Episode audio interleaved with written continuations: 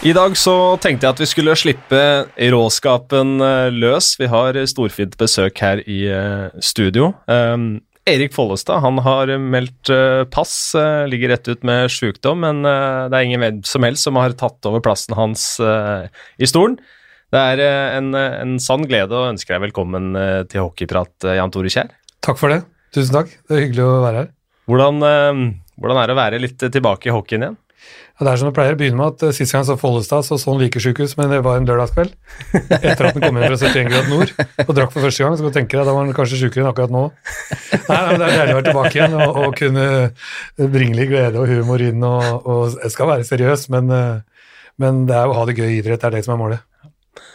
Vi får prøve å fiske ut noen historier i dag, eh, Bjørn. Ja, det er jeg ikke sikker på om vi trenger å fiske etter heller. Jeg tror de kan fort komme på løpende bånd når vi bare setter i gang her. Så kan vi eventuelt gå ut, vi, Jonas. Så kan Jan Tore holde på, men vi får se, da. Vi får være her og prøve å, ja, prøve å styre butikken litt. Det er, det er, målet. Um, før, vi, før, vi, går rett inn på hockeyen, da, så er det jo det som er mest aktuelt for din del uh, for tiden, uh, Jan Tore, det er jo, det er jo dans. Um, hvordan, hvordan har, har, det vært å være med på det hva skal man si, eventyret der?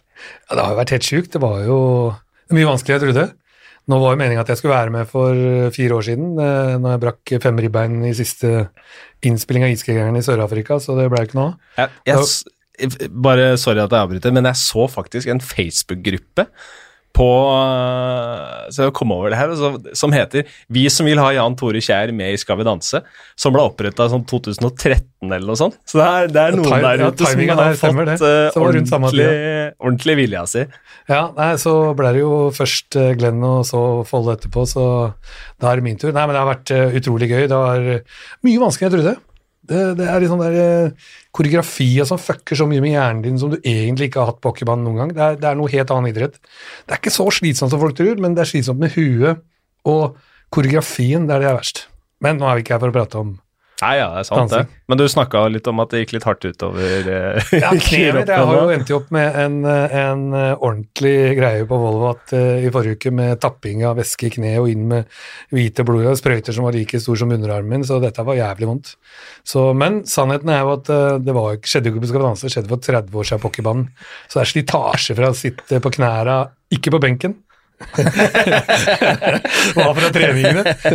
Men, men eh, også var det dansinga som slo opp, så det, det er en gammel ishockeyskade faktisk, som følger de fleste hockeyspillere gjennom et langt liv, sikkert. Vi skal ehm, som nevnt så prøve å fiske etter noen historier, og mange er av dem. Og vi har fått inn en god del spørsmål som vi skal, eh, som vi skal innom i episoden her. Men først eh, så tenkte jeg vi kan bare ta, ta litt kort, Bjørn, om uh, hva som har skjedd i ligaen siden vi satt der sist. Uh, overskriften er kanskje litt som følger at uh, Narvik de har slått Gryner og Stjernen. Stjernen har slått Vålerenga. Vålerenga har slått Frisk Asker. Eh, Stavanger har tapt sin første kamp mot Storhamar etter straffer. Det ga ingen boost for Storhamar, som i går kveld tapte mot MS i sudden death. Så der er vel eh, status quo, eh, egentlig, siden forrige gang vi satt her og prata. Ja, oddstipperne har ikke fått det noe lettere den Nei. siste halvannen ukene enn tidligere. Nei, det har ikke satt seg ordentlig enda. Det kan man kanskje si om det er et styrketegn eller et svakhetstegn for ligaen, at det er såpass ustabile resultater. Ehm, men uansett så er det moro for publikum, og det er moro for ehm, TV-seerne som eh, følger oss på, på TV2 Sport 1 og 2 og på, på Zoom, at matchene ikke er ehm, avgjort på forhånd, og det har de i langt større grad nå kanskje enn på lenge ikke vært, og det, det er jo bra for alle. Noe spesielt du har sett hos lagene, noe utvikling, eller Jeg syns det har vært mye av det samme nå Eh, i, i, lang tid. Ja, nei, Som du er inne på, Storhamar hadde kanskje nå uh, hadde de kanskje snudd, ikke sant? og så kommer de til, uh, til Mangerdalen. Jeg så Ellomo uttalte at nå, nå, var de på gang og gleda seg til å reise til Mangerdalen, og så ryker de da for, uh, for MS. så det er klart at der var man ikke, ikke helt friskmeldt allikevel. et MS-lag som jo har vært i vinden, tok jo et poeng og var første laget som tok poeng i Askedalen mot, mot Frisk Asker også, så Um, det er vanskelig å spille mot. Um, de er guffende, de jobber hardt. og Frøberg har stått veldig bra i mål i begge de kampene. Så, um, uh, men det er bra for ligaen. Jeg skulle likt å sett noe, noe, tall på det, faktisk. Hvordan det fungerer i idretten etter en, en seier som den typen Storhamar hadde. da. Skuffa eh, lenge. og så er det en viktig match, og så vinner de dem, og så nå, nå, nå kommer vi, nå løsner det. Eh, veldig ofte så føler jeg at etter en sånn seier så ender det med et uh, stort mageplask uh, for, for, laget som, uh, som, skal være på gang. Jeg jeg kan, jo, jeg, jeg kan jo si litt erfaringsmessig av det, da, gjennom nesten 19 år i Vålerenga. Uh, Friskmeldt er jo ikke fordi vi gjør en bra kamp. Det er sykdom, det er større enn som så. Det er med at det er stor krise på Hamar nå, da vi ser det laget de har. Stallen, kvaliteter, og de får ikke til å funke. så det kan du ikke friskmelde over natta. Det må nok uh, større medisiner til enn det er. Men uh, all ære Manglerud Star, og det er ingen som drar opp i Manglerudhallen eller spiller mot Manglerud og kan kjøre det med 95% eller 90 den er 100 hele tida. Hvis ikke så vinner du ikke Gateligaen i dag i det hele tatt. Så, og det er jevnt, og det er positivt for ligaen. Absolutt. Det er um, Vi kan jo kanskje, kanskje vi skal starte der?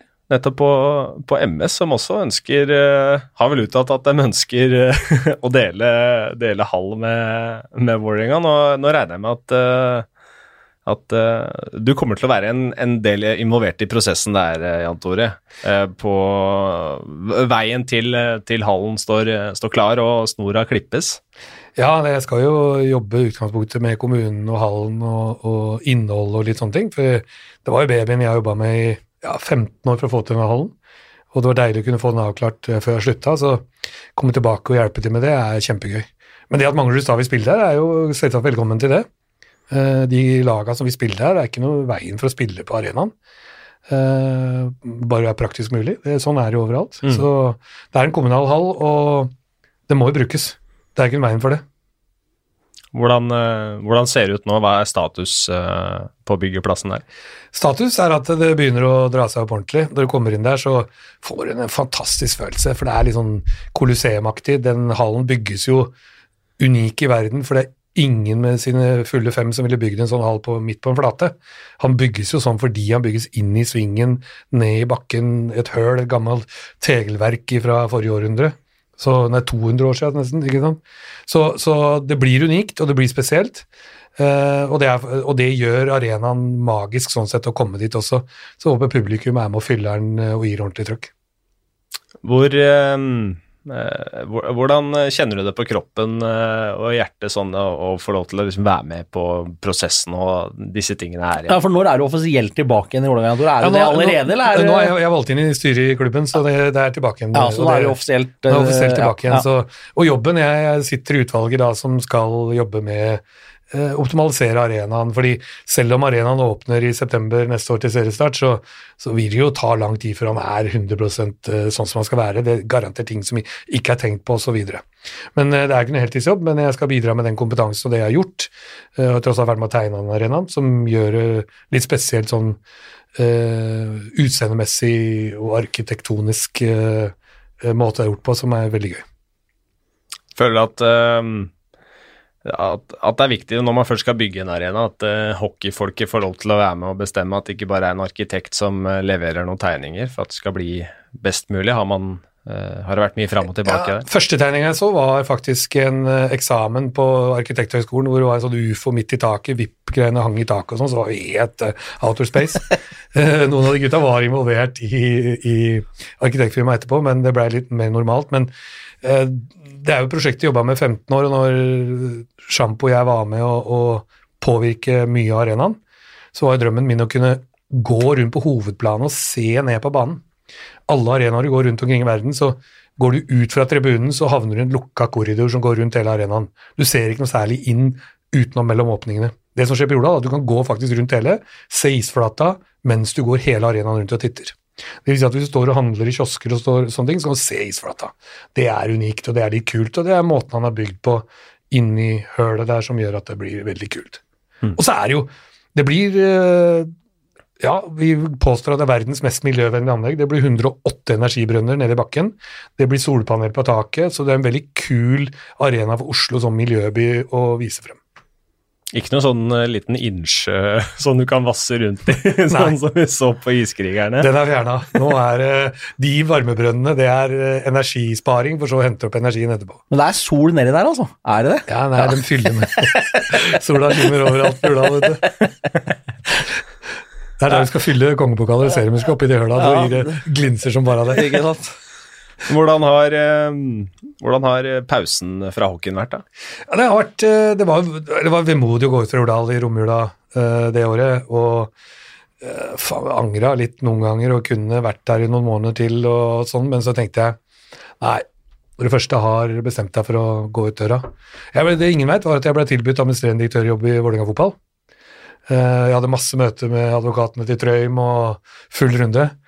Men så var det en kompis av meg som sa at hvor tjukk går det blir, når du på vei ut døra? Skal du inn i noe som er enda verre? Nei da, det var positivt, det. Men, men eh, så tok jeg til fornuft og, og tok valget, da. Så sett utenfra så har det vært behagelig og deilig. Aldri sovet så godt om natta som jeg har gjort de siste fire åra.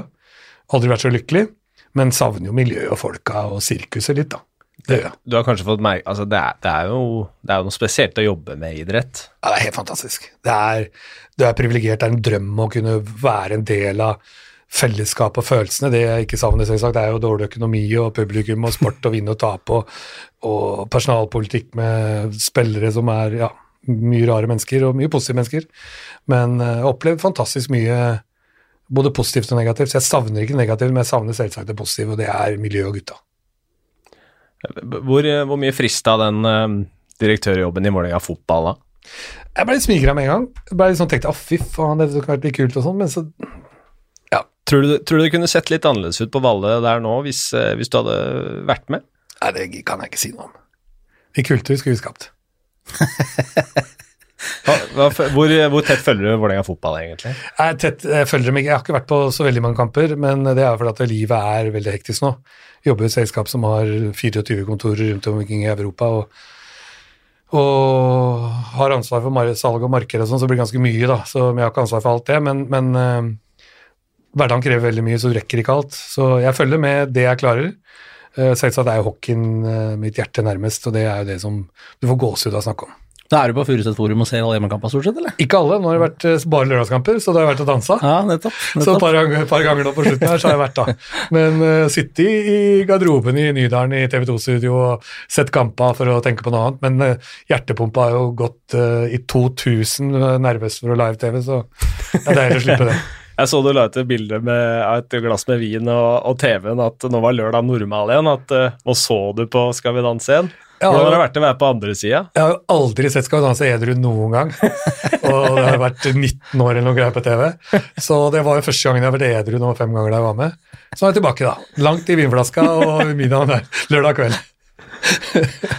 Men, det er eh, herlig. Ja. Men øh, jobben din, øh, har du lært noe de siste åra som du kan ta med deg inn i, inn i hockey? Jeg har lært at eh, det, det folk prøvde å fortelle meg da jeg var i Vålerenga, eh, og ishockeyen generelt, det, det er jo mange år siden, men før TV 2 kom ordentlig på banen og sånn, men hockey var litt harry, det var for et snevert folk, og vi var snus og negativitet og negative overskrifter og sånn, og det betyr ingenting der ute, folk har glemt det. Folk, det er som en fødsel, folk husker de positive tinga. Negative ting, hvis du graver dypt nok, så er det noen få som husker det, men hockey er fryktelig godt anerkjent. Uh, nå er jo vi Europas største innen mobilteknologi. Jeg møter utrolig mange næringslivstopper i Norge og markedsfolk som uh, syns hockey er fantastisk. Så jeg tror det er en uforløst mulighet eh, for hockeyen nå med nye arenaer, eh, og litt mer profesjonalitet. På, hockeyen er på godt og vondt eh, mye hjerte og følelse, men jeg tror det er mange som sitter med penger der ute som kommer til å dytte penger i norsk hockey i fremtiden, hvis vi jobber riktig. Hva, hva er dine tanker om det å jobbe, jobbe riktig? Ja? Det er jo du, du, du må ikke bli for proff heller, for du må ikke miste sjela. Grunnen til at mange er med et idrettslag og støtter opp en idrettslag, om du er sponsor eller aksjonær, for den saks skyld, ingen er der for å tjene penger. Ingen sponser idrett ene og alene for å få en direkte payback. Du har lyst til å være med på noe som er større enn deg sjøl, som gir en effekt på et eller annet nivå. Men der er følelser. Du vil møte spillerne, du vil møte trenerne, du møter personlighetene. Eh, og det har vært ganske mye, og det har vi, ganske, har vi kjempemye i norsk hockey. Så ja, profesjonalitet på bakrommet, men glimt i øyet, humor, eh, lojalitet Hva skal jeg si Den eh, eh, joviale hockeypersonen. Den kule, slenge litt med leppa, ikke liksom by på seg sjøl, men være seriøs. Trene som faen, men også ha det gøy ved siden av. Det er, det er blandinga som jeg tror er viktig folk vil ha med seg. Mm. Så ikke det blir kjedelig. Ja. Nei, Det tror jeg du har helt, eh, du har helt rett i. Og, um, og det er jo sånn at for det om si, den totaløkonomien rundt uh, norske hockeyklubber ikke um, Vi er ikke de ti største næringslivsbutikkene i, i Norge, de tre, ti Gateliga-lagene, men, men, de som holder på der, dem er genuint uh, interessert og glad i det de holder på med, og de trener og står på som bare det for veldig mange. Knapper og glansbilder. Uh, og, og det tror jeg vi skal være enda flinkere til å på en måte få ut til det norske folk uh, hvor, mye, hvor, mye, som legges ned, både utafor isen og på isen, fra de 25-30 som er involvert i en, i en Gateliga-klubb, for en veldig, veldig liten penny. Og, og, det er folk glad i. Folk er glad i folk som virkelig står på, og som brenner for det de holder på med. Og det er jo sånn ordet dugnad fins jo ikke på engelsk. Prøv å fortelle de andre kontorene i Europa norsk dugnad. Det finnes ikke et ord for på det engelske i det hele tatt. Uh, og det har vi, vi gjort altfor mye i norsk hockey, så jeg tror alle er oppvokst med å yte noe ekstra for lokalidretten sin, og jeg tror de fleste næringslivstoppene ser det at de har lyst til å assosieres med. Eh, da bedriften jeg jobber i nå, nå er vi i noe som heter Great Place to Work, det er sånn internasjonal måling på beste arbeidsplasser, nå er vi nummer seks i Norge på det. Og det er jo fordi vi her er en gjeng, inkludert meg sjøl, som uh, sier at vi skal ha det gøy på jobb, hvis ikke så er det ikke vits å jobbe her. Uh, vi skal ha det kult, vi skal være seriøse og sånn, men, men vi må ha det gøy på jobb, og trives som jeg vi driver med, og som har et fellesskap. Vi må ha en garderobekultur, kaller vi det på jobben. Og det er det hockeyen er utrolig sterk på. Det er ingen idretter, føler jeg i hvert fall, som har en så sterk fellesskap som hockeyen har. Og hvis vi klarer å løfte det til sponsorer og partnere ved siden av, eh, som veldig mange klarer, så må vi tørre å be om penga. Vi må tørre å la dem bidra, eh, ikke være defensive i forhold til hva vi tør å be om. Ny hall i Asker kommer til å løfte tallene over pipa, akkurat som de har gjort i Stavanger, akkurat som kommer til å gjøre på Jordal og de andre stedene. Og det kommer til å gjøre de andre klubba som kanskje ikke er så heldige å få nye haller, også bedre. Det er et resultat av det hele. Så målretta er seriøst, men samtidig være øh, inkluderende. Ja, det tror jeg helt klart er, er nøkkelord. også. Det blir uh, utrolig interessant, da. Uh, for det er klart det krever jo enda mer av Vålerenga og Frisk, som du nevner, organisatorisk osv. Stjernen når den kommer uh, noen år seinere. Eh, for det er ikke bare å sette opp de fire veggene eh, og få noen VIP-losjer og noen restauranter og tro at alt går av seg sjøl. Det blir knallhard jobb over, over tid, Nordmenn har fått til i Stavanger. Og det tror jeg helt sikkert Vålerenga klarer, og det tror jeg Frisk kommer til å klare, det tror jeg Stjernen også kommer til å klare, men, men det blir knallhard jobb selv med ny arena. Det er ikke noe tvil om. Det blir det, men allikevel så må vi, vi må være stolte av norsk hockey. For det er som jeg sier, ut, sett utenfra så møter du mennesker som uh, har et veldig positivt syn til, på norsk hockey. Uh, vi, har veldig, vi har vært veldig flinke før at vi skal ha samfunnsansvar og vi skal lage prosjekter og masse greier. Men det er som når du sitter på fly. Når det går gærent, så lærer du at da detter inn en maske, og hva skal du gjøre med den maska? Du skal sette den på deg sjøl først, før du hjelper noen andre. Og der tror jeg norsk hockey også må ta litt tak. og liksom, Nå skal vi løfte oss sjøl, og vi skal uh, gjøre oss sjøl bedre. Vi behøver ikke å drive med noen prosjekter om uh, fotball i Afrika og sånn, det behøver vi ikke å støtte akkurat nå, det er viktig å gjøre, men vi må støtte det som er rundt vår egen ishall og vår egen ungdomsavdeling og våre egne uh, supportere. Jeg så en, uh, en liten sånn Twitter-diskusjon hvor Tage Pettersen, forbunds, eller presidenten i Hockeyforbundet, var involvert, da, hvor det ble, var litt snakk om hva som er på Eh, agendaen for, eh, for forbundet eh, rundt økonomi, rekruttering, ishaller osv. Eh, norsk topphockey er jo vesentlig mindre synlig og blir vesentlig mindre diskutert rundt oppi alt dette. Du, du, jo, du kjenner jo godt hvordan dette er eh, organisert, i hvert fall. Hva, hva, tenker du, kan norsk topphockey gjøre noe mer for å, for å bygge ligaproduktet, er det noe pengefordelingen osv. som det var eh, forhandlinger om rundt i sommer også, er det mulig for ligaen å bruke det på en bedre måte?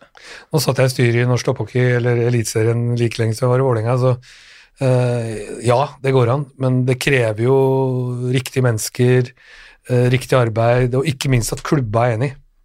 Du er aldri bedre enn svakeste leddet. Om du kommer opp på Manglerud og de slår Storhamar sportslig, så er de Eh, de er så langt unna da du kommer opp på Hamar igjen og ser en hockeykamp. da. Så du er aldri bedre enn svakeste ledd, men vi må hjelpe alle å bli bedre. Så selv om norsk topphockey kan gjøre noe mer, så ha, har du ikke bedre enn det hele produktet er. Men det vil sakte, men sikkert bli bedre med nye haller og flere steder. Så ja, øh, jeg tror norsk topphockey kan bidra med masse. For jeg tror fellesskapet kan hente ut mye av av noe inntekter og ressurser, som du også ser i fotball og andre idretter som har skjedd rundt omkring. Men det, det kreves uh, målrettet arbeid, og alle må dra i samme retning. Vi har jo som sagt uh, fått inn litt uh, spørsmål fra, fra lyttere på, på Twitter. Jeg kan starte med Mats Bergvik, som lurer på om du har funnet en skidressen som ble stjålet på hyttetur i 2014? Den fant jeg aldri igjen. Noen, noen mistenkte? Nei, det var ikke peiling. Jeg har prøvd å finne ut av mange ganger. Så det, er, det, skjedde, det har skjedd mye på hytteturene, så ja, Stacey støten Jeg til og med, liksom, Kona mi hadde sånn UV Saint Laurat så, uh, skibriller, kosta en halv formue, var borte dem òg. Så det har vært noen dyre opplevelser oppå fjellet. Du har ikke snakka med produksjonsselskapene og ser bakom videoen heller, og sett noe der om det er noen som har stikket av gårde med det? Ja, men jeg har prøvd det, men, men uh, så er det sannheten når folk sender deg melding og sier at å, fy faen, stakkars deg som sto igjen og måtte dra inn snøscootera, men det står jo noen filmer, da. Så Grunnen til at jeg fikk var at fotografen dytta litt og alt mulig for å få det inn. Men det som ikke kommer fram, er at eh, gutta, før de dro når jeg våkna på morgenen, så hadde de gravd ned all søpla i snøhaugen utafor. Så da påsken begynte å komme, så lukta det, jo alt kom fram i hverdagen. Så det var liksom, det var jævlig kjedelig å komme over påska, så var det bare søppel over hele plassen foran. Det var verre enn å måtte dytte inn snøscootere sjøl. hvordan, eh, hvordan var egentlig iskrigerne å være med på det der? Ja, det var jo litt sjukehus og morsomt i, i, det du så på TV, og det vi spilte inn, men, men husk at det var jo bare noen Det er bare få timer av døgnet. Det er jo ikke noe underholdning å filme at du er ute i sponsormøter og holder foredrag og, og slukker branner som ikke er spennende. Så det er jo bare dratt ut noen få minutter i ny og ne som er med og skaper noe. Jeg syns vi synd på Sjampo første sesongen som som ble slakta som trener, bare at han hylte hele tida og faen i helvete og sånn. Men det var et resultat av at det var programavdelingen til TV 2 som lagde TV-serien. Det var mennesker som var lagde reality-TV og drama kontra sporten. Sporten hadde hatt en annen vinkling, for da hadde du tatt med at han faktisk snakker om spillestil og strategi og motivere folk og litt sånt noe, mens det plutselig sitter noen på dramaavdelingen og klipper bare faen. Så det syns jeg er synd på Espen, men det blei bedre også etter hvert. Så, men det var en kjempeopplevelse. Hvordan øh, starta hele den, eh, den ballen der? Nei, det hele begynte med at uh, vi satt og snakket, jeg satt og snakka med et par stykker fra TV 2 uh, om, om, å kanskje lage et program. Så hadde vi et møte oppe på kontoret oppe på Jordal, og så sitter vi der og diskuterer, og så var sjampo var nøkkelen til å gjøre det her, for det var eneste kjendisen som programavdelingen til 2 har hørt om. Uh, og så sitter vi, og så var det en sånn plakat på veggen som vi hadde hatt med Forsvaret, sånn kalenderplakat, hvor iskrigere står det. Og så tente han helt på det, og så ble vi enige om å lage noen testprogrammer og sånn, og så tok det jo helt av, for han fant jo vise at sjampo var jo plutselig den største personligheten og profilen å bygge på. det var jo mer enn nok av, av uh, underholdning ellers i ganga, så Og så ble det bare derfra. og det som var spesielt, var at vi, de ville lage program, manneprogram gutter 14 til mannfolk 45 på TV2 Sebra, så viser det at det ble jenter 14 til 35 istedenfor som så på. Så vi, det ble jo helt annerledes enn de alle trodde. Og det økte vel jente- og kvinneandelen på tribunen på ja. også, hvis jeg ikke husker feil? Ja, det var jo helt, vi satte jo nye rekorder på TV2 Sumo på antall seere.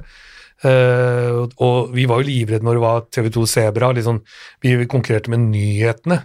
Husker Espen og jeg satt der og prata fy faen, tenk hvis se, dårlig seertall. Flytta til etter midnatt og i Skam og alt mulig rart. Og så var det bare kjempesuksess og ble bedre og bedre og satsa på som pokker. Men det som var øh, mest unikt, var jo faktisk når du kom rundt på arenaene etter matcha og før matcha. Folk sto i Storhamar-drakter og Sparta-drakter og Stavanger-drakter og selfies og autografer på drakter. Det var helt sjukest. Og det er det faktisk en dag i dag òg. Når jeg drar rundt på arenaer og møter supportere og sånn i dag, eller på Furuset Forum, så er det selfies og signering på draktene til egentlig det som er fienden. Men det er jo ikke fienden, for det er norsk hockey som egentlig var på TV med Iskrigerne. Føler jeg, i hvert fall. Apropos fiender. Eh, Joakim Skau Andersen han lurer på eh, Hvis du skulle vært direktør i en klubb og ikke fikk velge Vålerenga, hvem hadde du valgt? Jeg valgte ikke Vålerenga fotball, så jeg tror ikke det hadde blitt så mye annet. Jeg. Jeg fikk noen forespørsler. Velg en annen hockeyklubb nå. Hvem ville vært direktør for nå? Nei, egentlig ingenting. Er, men, jo, men det er vanskelig, altså. Det er liksom når du spilte i uh, Jeg spilte i Furuset som ung, men jeg gikk ut til Vålerenga som 15-åring. Jeg fylte 16 den høsten, og det, selv om jeg spilte i Hasløren og Lørenskog og sånn, Jeg hadde litt hjerte for Lørenskog da jeg spilte der, det er sannheten. Jeg var med å spille dem opp i Eliteserien og var der noen år, men, men uh, kunne aldri jobba der, for det var en Det blir sånn hest og kjerre mot romskip, det er to forskjellige verdener. Og, og, og det er vanskelig. Og den følelsen, tror jeg, det, liksom, det tomrommet Skal du lykkes, så må du være all in hele tida. Det tror jeg. Du ånde og leve døgnet rundt. Og det er nok vanskelig i en konkurrerende idrettsklubb Det å legge ned det hjertet. Det, er nok, det har du nok rett i. Du har vel vært uh, sitert i media på at uh, Lørenskog uh, lurte på om du kunne tenke deg å jobbe der uh, midt når det, når det kokte som mest, kanskje, i den perioden når uh, Brødrene Spets bl.a. Uh, bytta beite. Er det noen andre klubber som har, som har vært på deg og f hørt om du kunne tenke deg noe, noe annet? Det får være historie, og det får komme i boka. Nei da. Jeg begynte å skrive bok, men jeg tenkte at fy faen, jeg kan jo ikke gi ut noen bok så lenge jeg lever og alle jeg kjenner lever. men jeg har faktisk gitt meg at Cappelen Dam var på meg og når jeg slutta, så jeg tenkte jeg skulle Men så ja, fikk jeg en til å skrive og sånn, men jeg måtte gi det opp i meg raskt. Ja, det, det ble ikke noe. Jo, men skal Eller, du lage noe, du kan ikke kjøre en Klaus Lundekamp, kaste noen under bussen og sånn, så du må, må ha mye fine historier. og klart du har historier liksom hvor, hvor uh, En av første åra jeg var i Vålerenga, så styrelederen den gangen gikk ut til media og sa at nå tjente vi millioner av kroner per kamp, og det gjorde de jo ikke, ikke sant? Men, men det var liksom Vålerengas stil. da. Uh, jeg jobba der bare en kort periode, og så plutselig sto kemneren på burde og beslaglegge penga mellom første og andre periode. Det var sånn Det var uh, For de skyldte jo penger til kemneren. Så man tenke deg skulle beslaglegge penga. Skal bare ned og grave i, Ja, i kioskkassene. Og det var liksom det var media, det var lenge før uh, det ble bygd ut på Urdal og sånn. Vi hadde sånn presserom med kontorene i andre etasjen og sånn. Så det var litt sånn utfordrende, men uh, Mener jeg til og med du fikk Bo-bestyreren til å kjøre en sånn seremoniell dropp før en av kampene Ja, like ja. etterpå der eller noe. Det hadde jo ingen Det- andre klubber antakeligvis vært Ja, i nærheten så- av å tenke på.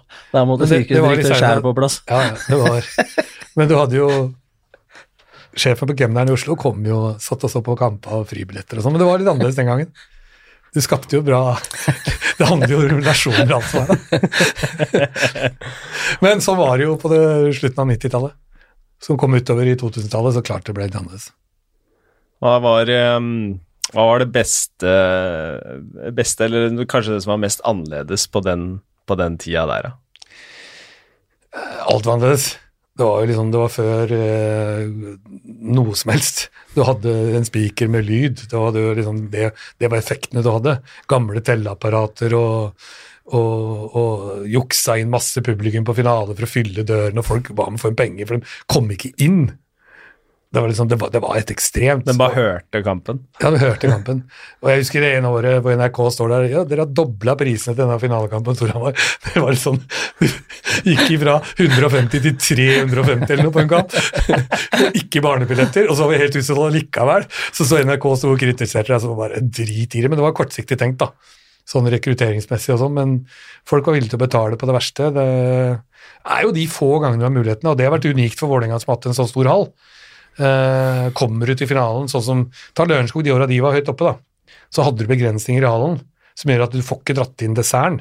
På Jordal liksom, dytta en lovlig fem og noe, og så var det seks og noe, ikke sant. Så, så blir det fort mye penger av det som gjør at du kan satse bedre neste år, og, og faktisk klarer å betale det du skylder også. Men så er det jo en idrettsklubb, da.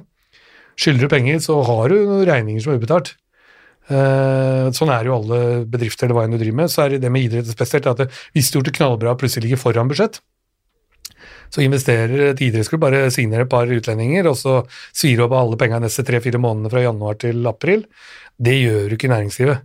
Der investerer du langsiktig i ansette folk som skal generere penger og en jobb, så du, du gjør enda bedre som bedrift. Så det er store forskjeller. Uh, Du er inne på signeringer der. Vi har fått uh, spørsmål fra vår eh, kollega Mattis Bangren, som, eh, som lurer på topp seks signeringer i din tid som direktør i Vålerenga. En keeper, to bekker og tre løpere. Har en drømme, drømmerekke til oss. Ja, det er vanskelig. Alt har sin, sin tid og, og hvem som er interessert, men, men eh, det kommer jo ikke utenom lockout-sesonger og sånn, da. Med Chris Mason i mål. Jeg, husker, jeg tror vi spilte noe endte i sudden death, eller noen straffer mot Storhamar. Og så redder han fem straffer uten å gå ned på knærne. Det liksom, det, det, det er sånn litt ekstremt. Han drev med annen idrett. Uh, Scott Hartnell, eh, flere av de der. Men så har du noen sånne sjekkere. Vi hadde alt fra Mashulda til Det er feil å nevne bare alle utlendinga, men det er det krydderet du nevner. Vi har hatt fantastisk norske bra spillere også, som har gjort det kjempebra. Men eh, jeg hadde en eh, da, den er litt kul. Han kom som toppskårer fra Finland, sjekker. Jeg husker vi var på Hamar, og så midt i matchen står han og krangler med publikum mens kampen pågår og sånn, ikke sant. Og så backsjekka han aldri, men han skårte jo helt sykt med mål. Kaller han ned på kontoret, og så bare sier jeg liksom faen, du må jo ta i litt, du må jo litt sånn backsjekke og jobbe hjemover og sånn, så bare ser han dum, altså løfter han høyre og venstre hånda, og så veier han dem opp og ned, og så sier han ah, backcheck, forecheck, you choose. Score goals or be back with the goalie. Og så sier jeg both, then you have to pay double. Han skulle ha to kontrakter. Det, Han, enten jeg regner med at det var den du kom til å komme med når han begynte der. at han var helt rå. Jeg har hørt gjetord om den sjøl, faktisk. Men, men, men eh, også har du alt fra Johan Åkermann til masse forskjellig. Men så har du jo sånne store liksom Lars Egg Lund som satte en ny rekord. Det folk glemmer han var i Vålerenga. Fikk ikke helt være med på laget. Roy Svendsen til Asker. Så komme tilbake og ble tidenes toppskårer. Du har mange gode keepere som har vært der. Støberg er faktisk en av de større signeringene også på keepersida. Eh, men så har du da liksom Atle Olsen kom hjem fra Sverige, Sjampo kom tilbake igjen, og mange av de du har bygd underveis. Eneste som jeg har vondt av sånn sett, er jo at Sukka aldri spilte på A-laget til Vålerenga. Eh, men jeg tror det kanskje var knallbra for karrieren hans. Det er ikke sikkert det hadde blitt som det har blitt allikevel. Uh, Vålerenga hadde jævlig bra lag på den tida. Han var ung, han var liten, ishockeyen var annerledes. Uh, til å være den artisten han er, så hadde han sikkert blitt god allikevel, men, men det krevde istid, og han var i Asker og kunne gjøre hva han ville. Så kan sitte her i Dere kan gå ut nå og komme tilbake i morgen, så skal jeg nevne masse flere navn, men uten at noen blir såra, så er det fryktelig mange norske, og også utenlandske for den saks skyld. Men jeg har fantastisk mye morsomme historier rundt òg, da. Ja, har du noen i toppen eh, her nå? Nei, nei, men, men det er jo litt sånn Det har jo alltid fra problemer til positive ting. Eh, du har spillere som eh, ikke brød seg noe, så var liksom TV-en ikke så kjøpte dem ny TV sjøl uten å få inn penga. Og så er det andre folk som eh, som ringte hjem til Russland fra kontoret og stærte med seg ting fra vippen og pølser og fylte hjemme. og det liksom, Du har alle ytterpunkter, da. Så har du utlendinger som festa så mye at politi kom og henta dem, og jeg måtte dra og hjelpe til. Det var sånn, det var... De dro til Sparta etterpå, blant annet, uten å si navn. Men der var politiet et par ganger der hjemme. Men, men, eh, men eh, Så du kan, jeg kan jo nevne Jeg har så mye historier, det er helt sjukt, men, men i sett ettertid så er det mye humor òg, da. Men så er det mye triste skjebner òg, som du ikke kan snakke om. Mm. Det er ikke bare Der er det idretten og ishockey så sterkt. Vi har veldig mange triste skjebner som ikke kommer ut, som vi ikke kan snakke om, men som vi gjør en god jobb for, som kanskje hadde havna helt annerledes i livet, hadde det ikke vært for idretten i norsk hockey, i hvert fall, som jeg kjenner best. Når, eh, for ikke å Vi, vi holder oss unna navn, men, men i en sånn situasjon, da Hva tenker man som, som klubbleder da? Når, eh, hvordan prøver man å ivareta en person eh, i en sånn i en tung situasjon i livet? Ja, når du våkner opp at uh, media ringer deg, og det er forside aviser om ting som har skjedd på natta og dagen etterpå, og sånn, og det er ikke nevner jeg tenker på én person, det er mange personer som har skjedd, så, så tenker du jo eh, personen, men samtidig klubben. Ikke sant? Det er liksom alt ifra negativ omtale er jo negativt. Men så har jeg også lært nå ettertid at det, folk glemmer det fort. Det er som en fødsel. Det positive overgår alltid det negative, og det negative kan du ta til en erfaring. Uh, og i hvert fall Hockey-Norge er kjent for ikke kaste uh, mennesker til ulvene. Vi prøver å ta vare på dem og beskytte dem. Vi gir dem nye sjanser. Eh, og det er unikt i norsk hockey, mener jeg i hvert fall, det fellesskapet vi har. Og det vennskapet vi egentlig har utafor banen som vanlige folk ikke ser. Og da kommer du kanskje ofte styrka ut av en sånn situasjon Ja. allikevel, og, og så får ikke klubben den kanskje helt negative Ja. oppmerksomheten som man kanskje fikk i utgangspunktet akkurat når det smalt. Jeg har kjempegode venner i alle hockeyklubber i Norge, selv om det kanskje ikke fremsto sånn. Men, eh, men vi snakka sammen hele tiden. Det er jo produktet vi er med og bygger, og så er det litt sirkus. Det skal være litt sirkus. Skal fleipe og kødde litt og gi hverandre stikk og sånn. Jeg syns jeg har vært for lite av det siste, siste tida. Er det noe du har planer om å gjøre noe med? jeg- jeg Ta litt mer plass i media? Eh, Sånn helt monotont, eh, kjedelige greier, det, det, det er, tror jeg er negativt. Men det er en balansegang mellom det å være seriøs og ha glimt i øyet. Eh, kunne skape noen overskrifter og ha glimt i øyet, eh, det tror jeg er viktig. Eh, historisk, om du har en Stavanger-trener som tar på seg en gul parykk og mobber sjampo og sånn, så skjønner folk at det er humor, men du får i beste sendetid med 600 000-700 000 seere på nyhetene. Bare du klarer å skape litt glimt i øra litt ut av det. Jeg tror norsk hockey kommer styrka ut av å, være jo, joviale og jordnære. Er det der du Er vi tilbake i det du snakka om i stad, at uh, man ikke skal bli for profesjonelle og, og Ja, det- stive? Ja, det, det mener jeg 100% For det de gjør i næringslivet, prøver å bli som idrett. I næringslivet så prøver alle å skape et fellesskap som finnes i idretten. Men så finnes det så mange regler, og de reglene finnes jo også i idretten, ikke misforstå det, men i idretten så er vi heldige at vi får en utvelgelse før de kommer til A-laget vårt. Utvelgelsen er veldig stor. I næringslivet så skal du ansette de intervjuer, alle har, kan ha samme skolen, samme utdannelsen, så skal du prøve å finne en personlighet som uten kan bevise at den er det beste i landet, eller den beste for den posisjonen på laget. Idrett er mye lettere å finne, så er det lettere å jobbe med former, for du har felles mål fra dag én når du kommer inn døra. Og det ønsker jo næringslivet. Den derre råskapende ønsket om å lykkes som idretten har, det ønsker næringslivet å ha. Men samtidig så ønsker de humor og fellesskap. Fellesskap er nøkkelen til alt for å lykkes. Har du ikke et fellesskap, så lykkes ingen, lykkes ingen bedrifter heller. Det er, um, du var inne på um, parykk eh, og sjampo og osv. videre. Stavanger-rivaliseringen. Når, eh, når Oilers eh, når det smalt voldsomt der og dem, dem tok litt over. Hvordan var det for, eh, for en direktør i, i Vålerenga hockey som har vært, eh, vært eh, vant til å hente kongepokaler eh, sånn som folk henter posten, nesten? Det var helt jævlig. Det er verste jeg opplevde i det var det verste jeg opplevde i livet mitt. Den frustrasjonen som det var. Men eh, samtidig sånn Det var en ærefrykt og så var det sånn der Egentlig så var det sånn De var utrolig flinke det de gjorde. Selv om Tore Kristiansen og mange andre dytta jo mye penger.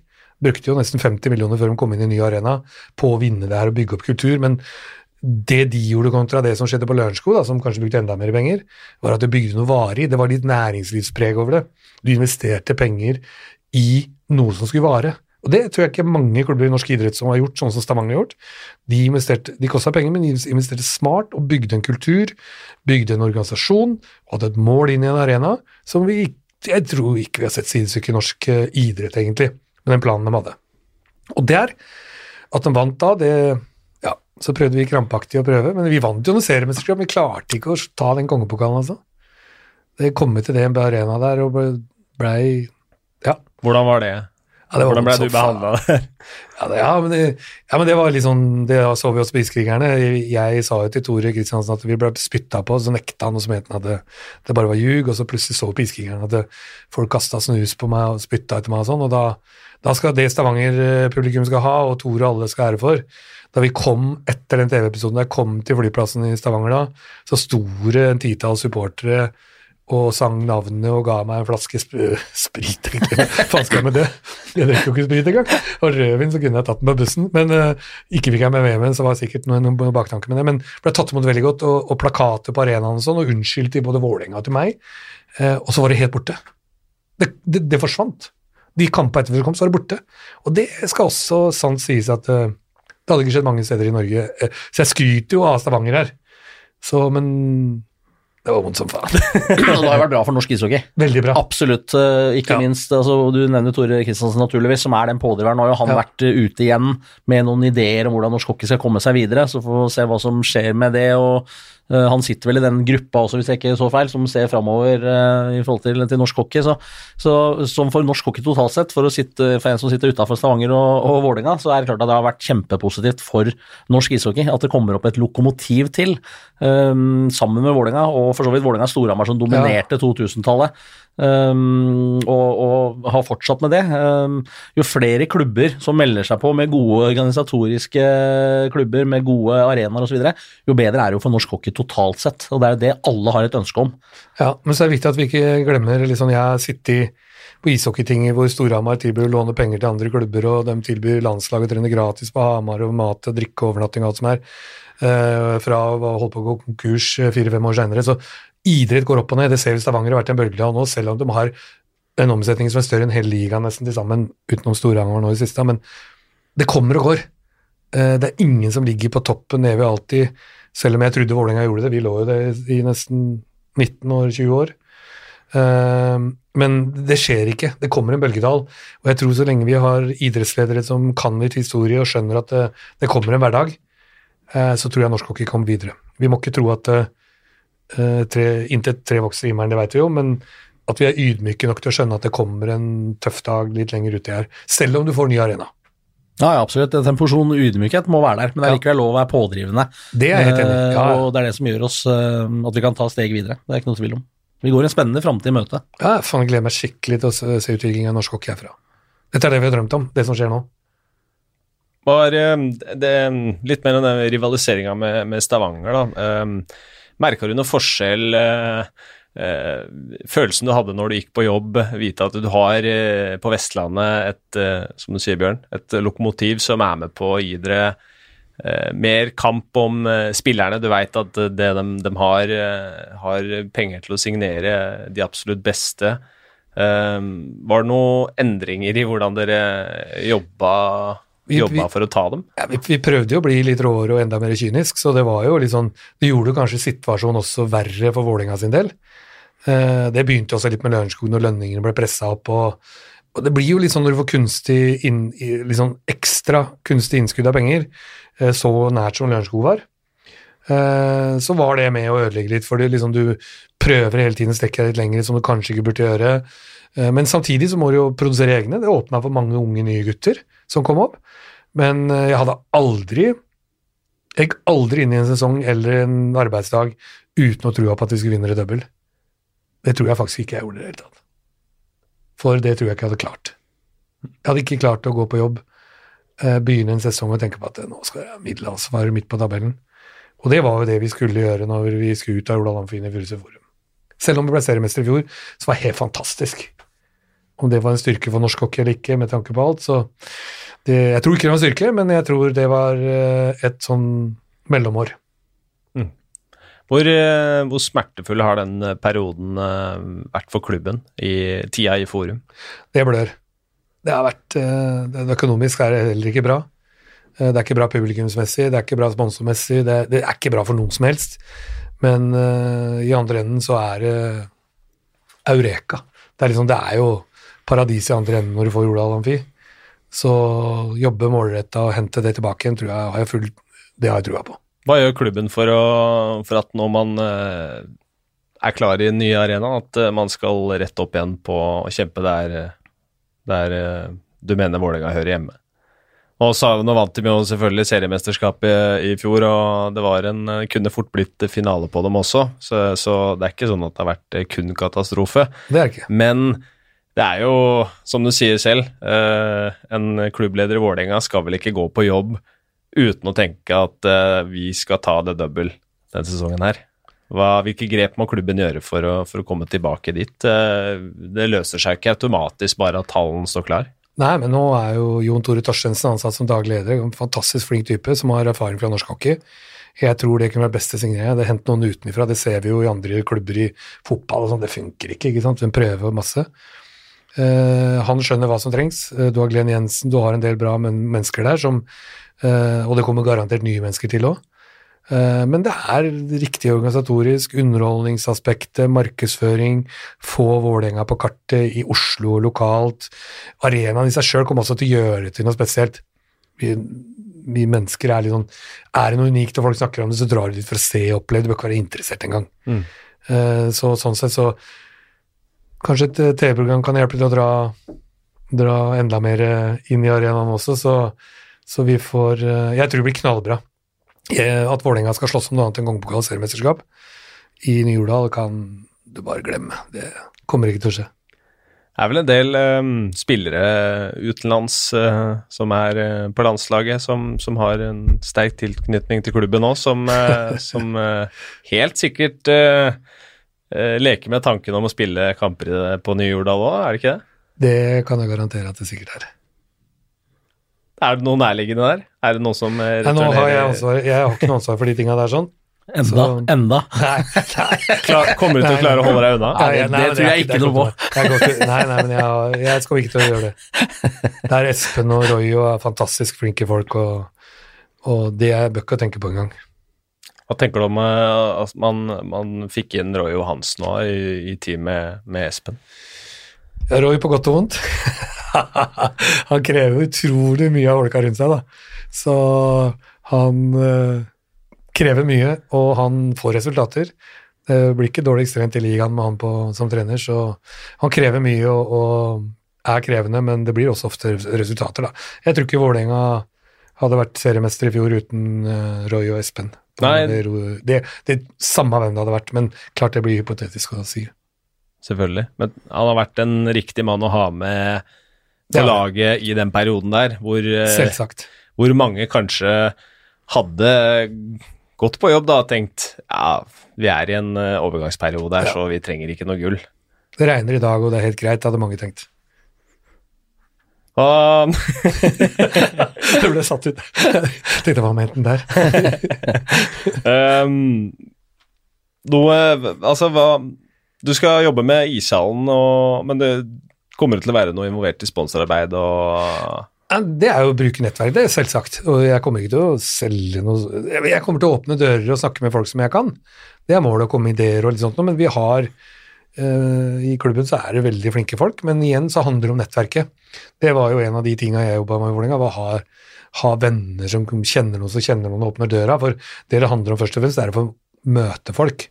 Norsk hockey selger seg ganske bra bare du kommer til bordet og, og får muligheten til å, å snakke og pres presentere oss. Og det skal vi virkelig gjøre. Så vi skaper jo et team som jeg tror vi ikke har sett i norsk hockey tidligere, som vi skal prøve å få til. Eh, men hva de gir resultater, vent og se. Du skal ikke selge skinnet før bjørnen er skutt. Før, bjørnen er skutt? Nei, det, nei, men det er nok en fornuftig, et fornuftig utgangspunkt. Det er det nok helt sikkert. Er det noe, er det noe jeg ikke har spurt om nå, Bjørn? Uh, ja, men det kan vi ikke prate om, holdt jeg på å si. Det, men uh, nei, vi kunne helt sikkert ha holdt på i veldig, veldig mange timer til eh, og det er klart at, Men det er som Jan Tore sier, han har holdt på i Vålerenga i veldig mange år. Jeg hadde jo på en måte en tilsvarende jobb i Frisk Asker, og da var jo på en måte Vålerenga er jo Frisks nærmeste nabo. Og det er klart at vi kikka jo til Vålerenga, vi, på måten ting ble, ble drevet på. Og jeg har jo hatt flere prater med, med Jan Tore på, på, på kammerset, jeg, på en måte, om hvordan han dreiv, og, og vi kunne plukke opp eh, ting og tang, eh, akkurat som sikkert mange klubber nå ser til Stavanger, hvordan de har gjort en del ting. Så, men det er som Jan Tore sier, det går litt i, i bølgedaler. Jeg reiser jo til Hamar igjen og begynte i Vålerenga, i 97. Reiste jeg til Hamar jeg og lærte alt av dem hva de gjorde, og dro til andre og så hvordan de gjorde det. Storhamar hjalp virkelig Vålerenga å ta tilbake hegemoniet litt ved å åpne dørene, og sånn er norsk hockey. Hvem var det du prata med da?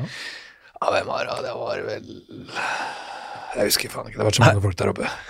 Det har jo vært en 15-20 ledere der oppe mens jeg var der i Vålerenga. Så det, eh, det er også kontinuitet trenger vi i, i klubba vår og i idretten vår. Det har vært uh, litt av en uh, rivalisering mellom, uh, mellom de to klubbene også opp igjennom. Og som for Vålerengas del, på vei opp mot toppen, eh, du har Stavanger der som er der nå. eh, Storhamar eh, de har hatt eh, en ganske bra stigning siden de ikke hadde penger til å betale strømregninga si der borte og var eh, på randen til å, til å ryke. Eh, så du har jo liksom klubbene akkurat der du vil ha dem for et Vålerenga som, som skal opp og kjempe eh, hvert eneste år igjen. Ja, sånn sett er jo det positivt. Uh, Storhamar, at de er der de er, er jo bra for norsk hockey generelt. At du har Storhamar og, og Stavanger, og at Vålerenga kan komme tilbake igjen. Savner jo litt Hockeytown, da. Det var jo litt sånn Hadde jo et skilt som ble stært og satt opp på Bohemen eh, på Urdal, og det går ut og kaller seg sjøl Hockeytown, så sier det litt om hvor bra Sparta følte de var i den perioden, og de var gode. Ja. Uh, Men igjen så viser jo det Det går i bølgedaler. Uh, Det går opp og ned. Se Frisk Asker nå i fjor. God også i år, men det skal jo bli tøft nå eh, fram til nysalen er ferdig, å opprettholde det tempoet her sånn. Eh, selv inn i ny hall òg, så er det, det er mange om beinet. Når, når er det den skal stå klar, Bjørn? Eh, før jul i 22. Nei, 21, unnskyld. Før jul? Ja, altså i løpet av høsten, da. 21. Okay, okay, okay. Eh, desember er vel det som sto sist gang jeg leste noe i lokalmedia der. Det er spennende, fantastisk, det trengs. Men det, gra men det graves hele tida. Det graver dem på kvelden nå. Det er gir seg ikke klokka tre der, eh, Jan Tore. Det er bare Oslo-ansatte. Kan ikke bryte Nei, det er helt riktig. Havner i fengsel. Men det var øh, Eh, vent, da. Jeg har, jeg har faktisk fått et spørsmål til deg òg, Bjørn, helt, øh, helt på tampen her, som vi kan ta med, da. som er litt relatert til det som foregår i Gateligaen nå. Dag Krokan han lurer på om du vet noe Om det skjer noe rundt uh, Frisk sin jakt på en, uh, på en ny bekk? Nei, det har de uh, ikke intensivert etter at de fikk nei fra en ganske hyfsad spiller før, altså rundt seriestart, eller når de var litt, litt i gang. Um, det har fungert såpass bra foreløpig at sånn som jeg har forstått det, så har de ikke, mm, det, er ikke Det er ikke 100% fokus på det om dagen. Det er jo sånn at alle klubba får jo stadig vekk henvendelser fra agenter og, og er ute og, og lukter naturligvis eh, også, men eh, Um, Foreløpig så, så er det ikke noe intensiv jakt eh, på en bekk, sånn som jeg har forstått det. de unggutta, både av Krogdal og Thomassen og sånn, som har fått eh, mye istid, har eh, levert veldig, veldig bra. Så de ser vel ikke noe sånn umiddelbart prekært behov for det heller. Uh, så, så de kommer nok til å ha is i magen og, og, og vente og, og eh, se når eh, Hvis det plutselig dukker opp en eh, kanon som er innafor de rammene de har, så kan det godt at de handler, men, eh, men jeg tror de har ganske is i magen, både basert på at eh, den oppstillinga de har, har levert, og at resultatene har vært som de har vært. Virker som det er flere som har litt den tilnærminga til det nå, at eh, det ikke er noen panikksigneringer. du har jo vært med på en del eh, sikkert interessante prosesser i desember-januar sjøl, Jan Tore. Ja, desember er ikke det verste. Det kommer ut i januar, det er det verste. Eller var jo i desember først til å begynne. Jeg Satt der på nyttårsaften og signerte spillere. Og da ble det jo litt sånn Ja, det blir litt kaos. Men du, jeg har fått et spørsmål, jeg, da. Ja? Uh, fått et spørsmål. eh, Hei, Jan Tore. Uh, Kommer vi til å se Iskrigeren på TV igjen? Fikk jeg et spørsmål her, og da kan jeg svare da ble, jeg blir overraska om ikke det skjer. Ja, Om det ikke skjer. Ja. Så dem, eh, der står TV-timer klare fra august 2020. Det er kanskje litt seint. Vi får se. Spennende. Er eh, beste signeringa du har gjort eh, i, etter nyttårsaften? Nei, jeg vet ikke beste signeringene. Det er umulig å si, men mest sykeste jeg har gjort, var litt sånn eh, Donati-brødrene. Det blei på godt og vondt, men det var jo artister så de grein etter i seriespillet. Det dro seg opp litt på sluttspillet når han fikk kølla til Stramfeldt i huet. Da nekta de å spille. Eh, Da hadde vi krisemøte, de skulle reise hjem. De pakka bagen og skulle hjem. Eh, For norsk hockey var helt gale fordi han fikk kølla i huet. Så vi måtte overtale dem til å spille, og da var det sånn, da kom til Stavanger, da, så nekta de egentlig å spille. Så de nekta å gå ut, så det var en story. Men det gjelder hvordan jeg fikk tak i dem, var liksom Prøvde å få tak i agentene, fant dem ikke. Uh, prøvde å få Ingen svarte. Uh, det var et par svenske klubber som var ute etter dem, for de var utrolig gode. Så gikk det noen år, og så tenkte jeg faen meg, nå skal jeg prøve å få tak i dem. Så tok jeg og sendte melding til Tyler på Messenger, Facebook. Så svarte så det ble jo ikke noe agent ingenting. Men det var et par år for seint. Vi skulle hatt dem litt tidligere, da var de enda mer punchy. Men, men det var fantastisk spennende. Men det var litt sånn Finn spillere på Facebook Ja, Messenger. Ja, endra gamet litt, akkurat det. At du kan eh, finne dem der og bare sende en melding til dem. Ja, ja. Og sendte fram og tilbake og briser og summer og sånn, og så bare I'll talk to my brother. Og så bare bare Ok, we're leaving Hvor var det? I Tsjekkia, nei, hvor var det? Slovakia eller et eller Det jeg oppdaga lenge etterpå, det er at jeg fant en gammel sånn, eh, sånn årbok fra OL, der hvor de spilte. Og Ja. jeg var i Canada i 2005 eller 2006, Ja. mange år før de kom til, til Vålerenga. Ja. Og så, da var vi invitert med det laget jeg trente, til en sånn mini-ishall og en sånn eh, juniormatch. Og i den så spilte han ene Donati-greiene på den matchen, og jeg husker han fra da, for da ble det noe straffekonk, og han dro noe målvakten opp på tribunen, opp blant eh, øl og røyk som var på tribunene i den eh, hallen den gangen. Um, og det var litt artig, det var mange, mange år tidligere. Men det var, Um, det var litt av noen gutter, da, for da de endelig kom til Oslo, så viser det seg at det, det var to agenter som mente at de hadde dem signert som kontrakter. Så det ble jo litt oss da på slu, før de fikk spilt, allerede før de spilte. For jeg hadde jo henta dem uten agent. så var det to stykker som mente at hadde kontrakt med dem, så det ble litt helvete. Men det løste vi, på godt og vondt. Hva tenker du forresten om, eh, om importkvota, at det skal eh, Ja, den er senka ned til seks, da. Ja. Eh, det er vel kanskje at det skal ned til fem òg. Jeg er ikke helt sikker på hva som skjer der, men Jeg har jo vært med i hele perioden, fra frislepp til eh, regulering, og jeg har vært for regulering. Målet var å regulere nedover til eh, fem i utgangspunktet, så stoppa vi vel på sju. etter masse diskusjoner.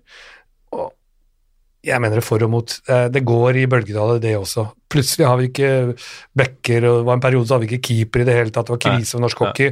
Så har vi ikke backer, og så har vi ikke løpere, og så har vi ikke liksom eh, Jobber vi riktig, så har vi nok spillere til å fylle. Det er bare hvor mye vi vil fylle på med. Og så må klubba være ansvarlig nok til å hente de som er gode utlendinger. Som kan krydre og lære de andre litt bedre. Så jeg tror diskusjonen om det er tre, fire, fem, seks, sju er ikke nøye. Bare vi jobber målretta med våre egne. Jeg tror det er det det, det handler om. La det være siste ord, Bjørn? Det kan vi godt, for jeg er helt enig med Antoine når det gjelder utlands, utlendingsdiskusjonen. Um, vi må, må jobbe bra med de vi har her uansett, og så skal utlendinga, uansett eh, antallet, uh, være nettopp det krydder, forbilder for uh, de spillere man har fra før av. Ikke bli henta av politi på kveldstid. Det er vi også ha- helt ok at de ikke, at de ikke blir. Ja. Så skal vi ha flere, flere gode nordmenn, så må vi klare å holde flere, flere punche og i gang lenger. Eh, Da trenger de vel også bedre midler. Da trenger klubba mer midler, flere folk på kamp, og da må du ha et bedre produkt og en finere hall. Er ikke det Ja, jeg ser lys i tunnelen for norsk hockey. Det er ikke toget som kommer imot denne gangen, det har det jo kanskje vært i så lenge jeg har vært her, men nå er det faktisk en liten åpning, tror jeg. Har vært eh, veldig hyggelig å ha deg med, Jan Tore. Takk for det. Og spennende å høre dine tanker om eh, ja, litt om alt, egentlig. Returen til Vålerenga og, og, og alt. Bjørn, noe du Nei, jeg visste at dette kom til å bli en hyggelig time. Strålende. Vi kutter den der, og så høres eh, Eller får si takk til dere også, som har, eh, som har satt av tid til å høre på oss sitte her og prate. Så høres vi igjen om et par uker.